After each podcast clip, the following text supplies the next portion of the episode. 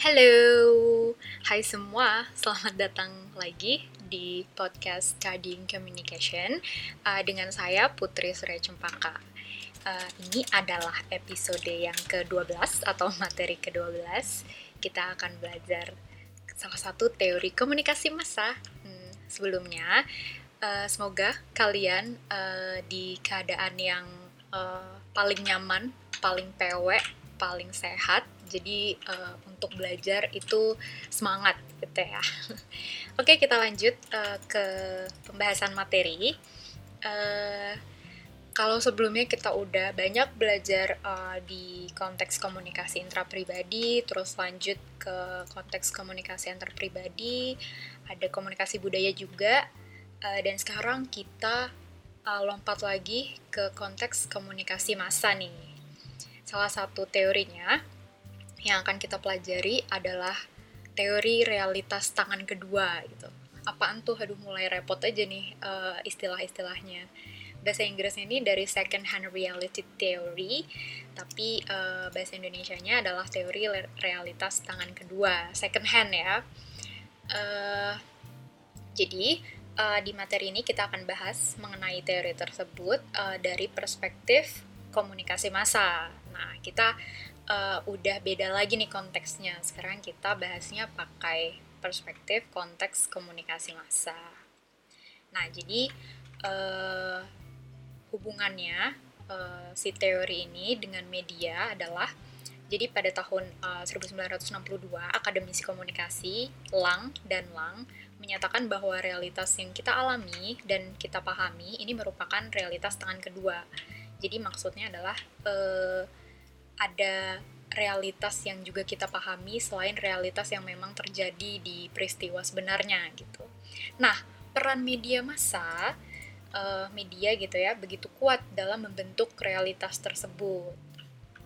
Nah, jadi asumsi di teori ini nih, uh, halayak itu uh, punya kuasa nih terhadap apa yang diterimanya dari media massa gitu. Namun nyatanya setiap hal yang disuguhkan media itu uh, dianggap sebagai kebenaran dalam suatu realitas simbolik oleh halayaknya, oleh kita yang mengonsumsi media, gitu ya. Jadi uh, kita balik lagi nih sebenarnya uh, ini mirip-mirip uh, teori interaksi simbolik dan uh, konstruksi realitas sosial. Namun kalau yang interaksi simbolik dan realitas sosial itu di konteks komunikasi intrapribadi. Sedangkan yang kita pelajari sekarang ini um, hal yang dianggap realitas atau kebenaran ini uh, dari perspektif komunikasi massa, dari perspektif halayak yang mengonsumsi uh, hal di media, pemberitaan atau informasi di media. Nah, jadi menurut teori ini bahwa informasi atau berita itu bukan sekedar uh, suatu hal yang abstrak gitu. Jadi uh, sudah menjadi suatu kenyataan karena sudah terlibat dalam suatu sistem komunikasi. Jadi kalau kita ingat lagi teori yang persepsi, uh, semua hal yang diterima nih kalau kita mengakses suatu media, pemberitaan apa pun yang kita lihat, gambar apa pun yang kita lihat, video apa pun yang kita tonton itu uh, masuk tuh uh, pakai pro proses persepsi uh, tersimpan dalam memori. Nah, itu uh, mirip-mirip kayak gini. Jadi si teori realitas tangan kedua itu kita jadi memahami suatu hal yang disampaikan media dan kita terima sebagai realitas yang kita pahami kayak gitu ya.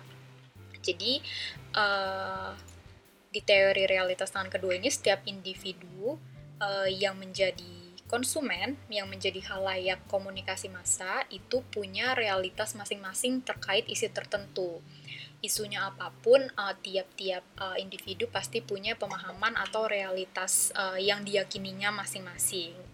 Makanya um, gak heran tuh ada yang dia percaya uh, sama covid ada yang gak percaya sama covid gitu. Karena media atau uh, informasi yang dikonsumsi itu berbeda-beda. Jadi realitasnya bisa beda-beda uh, juga gitu. Jadi dan apa pun yang diyakini halayak mengenai suatu isu dan itulah yang menjadi realitas tangan keduanya mereka Jadi itu yang dianggap suatu realitasnya. Nah, eh, sebagai fotografer atau orang-orang yang berkecimpung di dunia fotografi itu punya peranan sangat besar dalam pembentukan uh, realitas tangan kedua nih bagi halayak karena hmm, fotografer itu kan menghasilkan suatu karya yang visual sesuatu yang bisa dilihat oleh uh, masyarakat luas gitu ya. Jadi kalau fotonya uh, dikonsumsi oleh masyarakat luas bisa uh, membangun suatu realitas ke masyarakat tersebut kayak gitu ke halayak yang yang melihatnya. Jadi ya kita bisa back to back belajar teori realitas tangan kedua ini sambil uh, balik lagi belajar ke yang teori interaksi simbolik dan konstruksi realitas sosial gitu. Karena sebenarnya mirip tapi beda perspektif aja. Yang itu perspektif uh, komunikasi intrapribadi yang ini adalah perspektif komunikasi massa.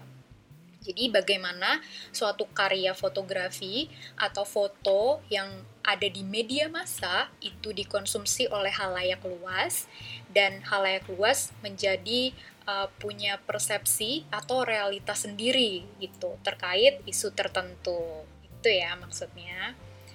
Nah, coba untuk perenungan apa nih uh, media atau apa informasi yang kamu akses hari ini?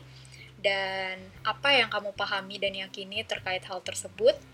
Nah, jawabannya adalah realitas tangan kedua terhadap media yang kamu uh, konsumsi. Sambil merenung, that's it for now.